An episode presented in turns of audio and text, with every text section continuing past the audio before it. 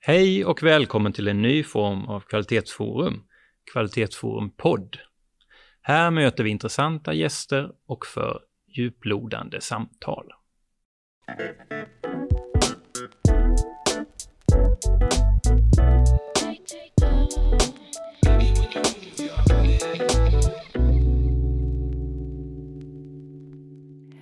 Joa Björk, läkare och Fredrik Modéus, biskop. Välkomna till det tredje och sista samtalet om existentiell hälsa. Tack så mycket. Tack för det. Vi inleder samtalet med att ni har varsin fråga till varandra. En fråga från mig som läkare. Jag vill bli bättre på att prata med patienter om existentiell hälsa, fånga upp deras eh, funderingar kring existentiell hälsa. Hur gör jag det samtidigt som jag måste vara så neutral som min yrkesroll kräver av mig? Vad har du för tips till mig? Ehm, jag tänker att du kan rusta dig på väldigt många olika sätt. Det faktum att du ställer frågan eh, och är nyfiken på och vill bli bättre tyder ju på att du redan har en talang i det mötet. Det är mitt första svar. Det andra är att jag tror att det behöver inom vården finnas ett eh, program för, en utbildning för, en, ett sätt att gripa sig an de här frågorna. Alltså en metod för att göra det som är hyfsat strukturerad. Och det tredje tror jag handlar om vad du gör med dig själv som, som människa. Att, att vistas i närheten av eh, skönlitteraturen, konsten, religionen eh, och så vidare, tror jag är ett sätt att, att liksom vänja sig vid att, eh, att tala om de viktiga frågorna i livet. Eh, vad tänker du när jag svarar så? Eh, jag håller egentligen med, eh, eh, så då kommer min motfråga där. Kan endast den existentiellt hälsosamme hjälpa Eh, en annan människa? Eh, det, det är en väldigt spännande fråga. Jag, jag tror att eh, varje människa behöver eh, hitta ett sätt att vara vid så att säga hyfsad existentiell vigör. Eh, och som jag sa i min, min tidigare podd, eh, både vara i kontakt med frågor och vara i kontakt med ett sätt att, att tolka. Så i en mening, i, i en mening är svaret ja. Jag tror att en läkare som vårdar andra behöver vara vid tillräckligt god existentiell hälsa. Om jag jämför med min egen värld, en präst behöver vara tillräckligt eh, välförankrad för att kunna vägleda andra. Och det är en balansgång, jag förstår den poängen. Man kan inte kräva övermänniskor i någon, i någon disciplin, men omvänt, som patient vill jag möta en läkare som är kalibrerad för att i första hand eh, ta hand om eh, såklart min fysiska eh, åkomma, men som också kan, kan möta mig på ett sånt där klokt sätt som du sa i din podd, nämligen att läkarens uppgift är att, att hela tiden liksom fråga vidare eh, och att det är ett sätt att gå på jakt efter de existentiella perspektiven. Mm. Tänker du att eh, det är, om, om du drar vidare den tanken lite, för jag blir nyfiken på det, eh, hur, gör en, hur gör du när du ska liksom fråga vidare och ta reda på mer? Mm. Eh, mm. Säg något om det. Ja, det tycker jag är en spännande fråga som, som jag själv brottas med. Jag upplever att jag prövar olika fraser undan för undan eh, för att hitta fraser som är så öppna och neutrala, inbjudande. Med inbjudande menar jag också att det ska vara möjligt att, att eh, svara nej för patienten. Ehm, det här innebär bland annat att jag tycker att en fråga i stil med ”Tror du på Gud?” tycker jag skulle vara fel. Den den tycker jag sällan har någon plats. Eh, utan gärna, eh, vad, vad tänker du i den här situationen eller vad är viktigt för dig nu? Eller usch, när vi har pratat om alla de här jobbiga sakerna, då väcks kanske en massa saker hos dig. Vill du berätta om någonting? Eh, det här var, var, exempel på frågor som, eh, som, även om de säkert inte var perfekta, så, så möjliggör de svar på många olika nivåer. Och sen måste jag vara väldigt receptiv för att höra vilken nivå som den här patienten verkar vilja svara på. Eh, en del kan ju vilja lägga sig väldigt konkret och, och ge, svar, eh, ge svaret ja, jag funderar eh, ehm, hur många dagar jag har kvar att leva eller jag funderar på om jag kommer ha väldigt ont i mitt ben imorgon. Eh, och då får jag ge ett svar på den nivån medan en annan kanske svarar Ja, jag är, eh, ser fram emot att få träffa eh, min döda mamma, för jag tror att vi kommer till himlen och där kommer jag att möta henne. Eh, mm. Och jag tänker då, när jag lyssnar på dig, så tänker jag att eh, detta är ju precis själavårdarens frågor. Eh, jag har lätt för att om, om jag inte visste vilken kontext, vilket sammanhang det var för vårt samtal nu, så skulle jag säga att jag lyssnar till en, en god präst, en själavårdare som tar eh, människans, eh, konfidentens perspektiv på ett hundraprocentigt allvar. Så gör själavårdaren också, fråga vidare. Eh, själavårdaren ställer inte ofta frågan Tror du på Gud? Hur ser gudsbilden ut? Vad, vad, vad tänker du om? Vad har du för bibelsyn? Eh, utan själavårdaren eh, hjälper människan, vem den är, att själv berätta fram sin historia och ge konturer åt sin, sin livsåskådning. Ehm, så, så där, genom att göra så som läkare och som människa skulle jag vilja bli mött så både hos prästen och hos eh, läkaren. Så det är en, det är en sorts eh, existentiell kompetens som den besitter som, som gör så, tycker jag. Mm. Du nämnde, i, om jag får dra detta lite vidare, så nämnde du i, i din podd att det finns en machokultur bland läkare. Jag tycker det var, det var modigt sagt och jag blev samtidigt jag blev väldigt orolig. Eh, därför att jag vill inte möta en, en machofigur, utan just någon som frågar efter, efter hela mig. Eh, berätta något mer om det där med den kulturen på sjukhuset. Mm, eh, jag tänker att det delvis handlar om två olika saker. Alltså när, jag, när jag talar om en machokultur så talar jag kanske framför allt om eh, ett ideal och en självbild av eh, hur man som sjukvårdspersonal ska hantera egna eh, känslor och besvär, nämligen trycka ner dem i botten och bara springa vidare. Så att det är kanske inte riktigt samma sak som hur man svarar an mot patienten framför sig. Men det är klart att om man bara har en enda copingstrategi, nämligen förnekelse och gasen i botten, då kan ju svaret gentemot en annan människa bli något eh, stumt, eh, så att säga. Men eh, eh, nej, det, det, som, det som jag tänker är en destruktiv machokultur, det är det här att vi i sjukvården eh, ska bara orka eh, politiker eller eh, sjukvårdens ledare säger till oss att nu får ni springa lite snabbare och vi i sjukvården säger ja okej okay då. Och sen låtsas alla som att patientsäkerheten ändå inte någonsin är hotad. Eh, det, det ser jag som ett, ett, ett tyvärr ganska återkommande och, och lite olustigt mönster.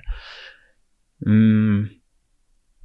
En annan aspekt av machokulturen är att eh, Eh, läkare och, och, tror jag också andra professioner, men kanske framförallt läkare, eh, man talar så, man talar så lite om det faktum att jag gör fel, att jag kan göra fel, att jag kan bli ledsen. Både av de fel jag begår, av min egen eh, klantighet och klumpighet och så vidare, men också av det jag möter. Eh, alltså någon sorts eh, ledsnad. Eh, en, en indirekt ledsnad som kommer ur att, att vara empatisk.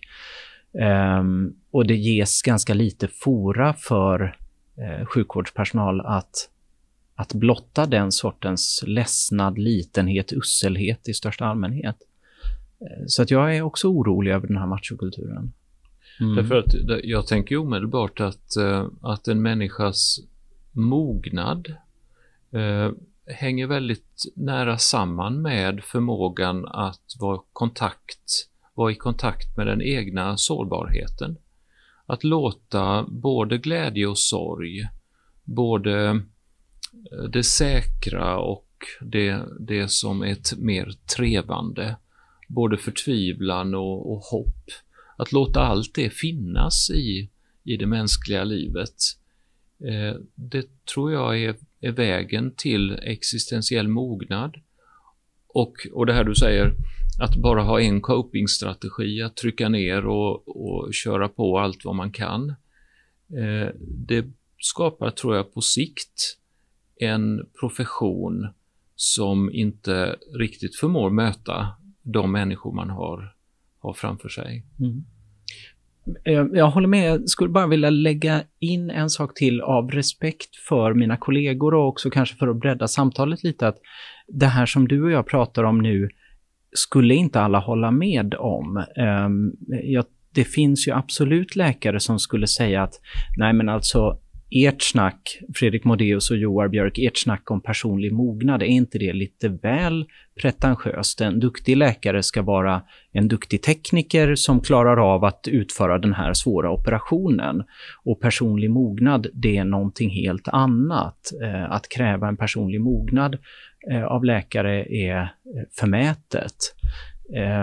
Jag personligen råkar inte hålla med om den synen, men, men jag måste säga av respekt för kollegor att, att ja, det är väl också en, en möjlig syn i, i världen av möjliga syner. Mm. Och, och, och, det perspektivet förstår jag och det är ju respektfullt mot, mot kåren. Och, och samtidigt så, eh, så låter det ju väldigt mycket på dig som att det här är perspektiv som behöver läggas till. Alltså man behöver ha, besitta någon form av personlig mognad och inte bara den, den, eh, den strikta yrkeskunskapen för att kunna möta, för att kunna möta patienterna. Mm. Jag håller ju med, eller det är en naturlig konsekvens av ett ideal som jag har om den goda sjukvården. Men, eh, men det är lite synd, och nu tittar jag på Bodil, eh, det här samtalet, det hade varit spännande att ha en, en representant för en mera eh, i den bemärkelsen vetenskaplig, alltså rent naturvetenskaplig eh, eh, professionssyn, som ju också finns inom sjukvården. Mm. Mm. Här har man helt enkelt plockat två personer, mig själv och Fredrik Modéus, som råkade vara ovanligt intresserade av de här sakerna. Ja. Eh, du, i något läge så talade du, eh, du använde uttrycket att det behövs Ja, du ställde frågan vad är sjukvårdens uppgift?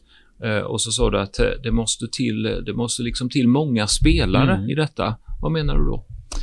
Eh, jag menar att Eh, Eh, en del människor kanske inte vill ta upp de här frågorna med sjukvården. Nu pratade vi om eh, en typ av kollegor som kan ha en ganska eh, tydligt avgränsad naturvetenskaplig syn på läkarjobbet. Och, och, det finns precis likadana patienter, alltså patienter som kommer till mig som läkare där mina frågor faller, på, på, faller direkt ner till marken för de är inte, inte intresserade av att prata om sådana saker med mig. Men därmed inte sagt kanske att de inte är intresserade av att prata med någon om det. Det, det vet inte jag. De kanske är intresserade av att prata i, ett annan, i en annan kontext med en annan aktör. Eh, och där ser jag det som att det skulle vara synd om sjukvården monopoliserade det samtalet. Där är vi ju förstås inte, men, men eh, eh ja. Och då, då, då tänker jag utifrån, eh, om vi pratar lite om det där med många spelare, så tänker jag att att eh, naturligt då att kyrkan är en, eh, en, en, en, bra spelare vad gäller de existentiella frågorna. Som jag sa i min podd så tycker jag att man lite för snabbt förknippar kyrkan med det där religiösa, de som har svaren och sorterar in allt i dogmatiska fyrkanter. Eh, men för mig är kyrkan ett, ett rum, det här med de, de höga valven är väldigt viktigt för mig. Därför att eh, kyrkorummen, kyrkan som plats, eh, är just ett sammanhang där, där hela livet ska få plats.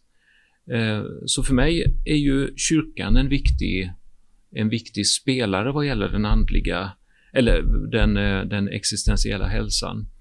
Eh, vad tänker du om det och vilka andra spelare finns? Ehm, jag håller fullständigt med dig naturligtvis att, att kyrkorna, eh, alltså med det menar jag olika eh, religioners eh, kontexter, eh, att de är naturliga spelare. Sen tänker jag också en, en, en god samhällsdiskussion eller en gren av samhällsdiskussionen där människor eh, i, i stort och smått pratar om hur ska vi göra för att må bra? Vad är det att vara människa? Hur, hur hittar vi mening? Är det verkligen meningsfullt att, gneta runt i något ekorrhjul och köpa nya joggingskor på, på eh, outleten varje månad och så vidare och så vidare. Alltså en, en diskussion som kan föras även i, i helt eh, andra kontexter än bara kyrkorna. Mm. Och den grundhållningen delar jag. Ehm, jag tror att vi behöver många olika arenor. Kulturen eh, är ju en sådan mm. arena. Absolut. De religiösa sammanhangen är en annan arena. Eh, det finns ju också ett sammanhang eh, som handlar om and, det här andlig vård i sjukhusmiljön. Och där har jag en fråga till dig, nämligen hur, hur tycker du att den ska eh, ta gestalt? Eller om jag frågar så här, vad är hur ska de religiösa samfunden eh, så att säga, närma sig vårdens sammanhang för att det ska bli bra? Ja, eh, det var en oerhört bra fråga som jag hoppades att du inte skulle ställa, för jag har inte något lika bra svar på den. Och det hänger delvis ihop med det här som jag pratade lite om eh, i det förra sammanhanget, att eh, vi i sjukvården nog tyvärr inte är så duktiga som jag skulle önska på att fånga upp patienters andliga eller existentiella behov.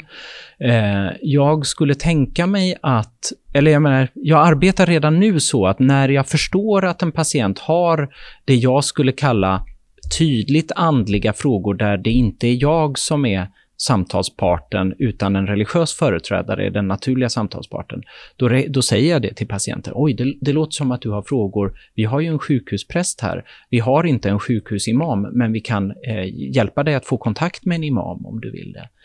Eh, så att där ser jag mig som en möjlig förmedlare av sådana frågor.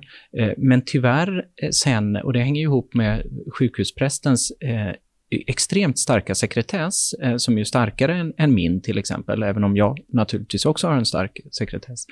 Eh, så jag får ing, inte tillbaka. Och det innebär att det är lite en, en svart eh, black box. Eh, eh, alltså, jag vet för lite för att kunna ge ett klokt svar om det där. Jag vet för lite om sjukhuskyrkans eh, göranden. Ja, Joar och Fredrik. Eh, nu har vi pratat här om eh, läkarrollen, om machokulturen där eh, och de många aktörerna. Men jag tänker som patient, om vi går ner till den nivån.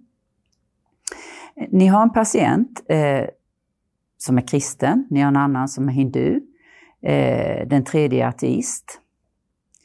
Och då undrar jag, hur tänker ni? Hur kan vården möta upp de olika personernas behov? Mm. Ja, det är ju verkligen den fråga som allt det här eh, kokar ner till. Ehm, jag vill ju slå ytterligare ett slag för det här med en neutral nyfikenhet eller en nyfikenhet som inte på förhand har bestämt sig för vilken sorts svar som är giltiga och vilken som inte är giltiga. Ehm, men, men jag tänker nog ändå att det är rimligt att se patienten som en, eh, en salig eller osalig blandning av det rent biokemiska och eh, alltså från den lilla biokemiska byggstenen till det stora existentiella. Och det är rimligt att i alla fall eh, mera långvariga eh, läkar-patientrelationer eller sjuksköterska-patientrelationer ger en möjlighet till ett sådant samtal och sen är okej med om patienten inte vill föra det sortens samtal. Eh, och utmaningen blir då att öppna för samtalet på ett sätt som är acceptabelt för både nu sa du, tror jag, en kristen, en hindu och, och någon, kommer jag inte ihåg om du sa ateist. ateist. Ja, just det. Kanske särskilt för ateisten. Alltså, där är nog min erfarenhet att, att ateisten kommer att vara kanske den svåraste att nå för ett existentiellt samtal. Eh, verkligen inte för att jag skulle ha någonting emot ateister, men, men för att eh, där får man vara lyhörd så att man inte låter som att man vill pracka på ateisten en, en sanning som ateisten inte vill höra. Vad, vad tänker du? Ja, jätte, jätteintressant. Jag, jag håller med om, om det mesta av det du säger. Att eh, det där med neutral nyfikenhet tycker jag var jättefint. Um, eh, därför att det är ju ett sätt att säga eh, vi behöver fråga efter den människa vi har framför oss. Och, och jag tänker att vi är Eh, den danske teologen och filosofen Grundtvig, han sa ju män, människa först och kristen sen. Mm. Det var hans stridsrop. Mm. och så tänker jag. Vi är människor först eh, och i, i detta att vi är människor så är vi fundamentalt och grundläggande lika varandra. Eh, religion eh, kommer ju av latinets religere, det där att återknyta till sin ursprungliga mänsklighet. Så för mig är det inte en... Eh, um, när jag möter en kristen, en hindu, om, om jag hade mött en kristen och en hindu och en ateist, som om jag hade varit i vården, så hade jag i första hand tänkt att jag möter tre människor som jag med min neutrala nyfikenhet ska få berätta om sina liv. Det är, och det är då också en god själavård ur mitt, ur mitt perspektiv. Eh, och, och sen, sen är det intressant att det är klart att om man då på ett, i sjukvården har en regional samordning av den andliga vården, eh, så kan ju läkare och sjuksköterska i ett givet läge när man känner att nu blir det nu är det liksom läge att hänvisa till den andliga vården. Då har man ju liksom tillgången till den spelaren också på den här, eh, i det här ämnet som har med existentiell hälsa att göra. Så både neutral nyfikenhet inför den människa som vi möter och eh, liksom strukturer för att hänvisa vidare till, till samtal som är mer trosspecifika eller vad man ska säga. Eh, så tänker jag. Tack Joa och tack Fredrik. Tack så mycket. Tack för att vi fick vara med.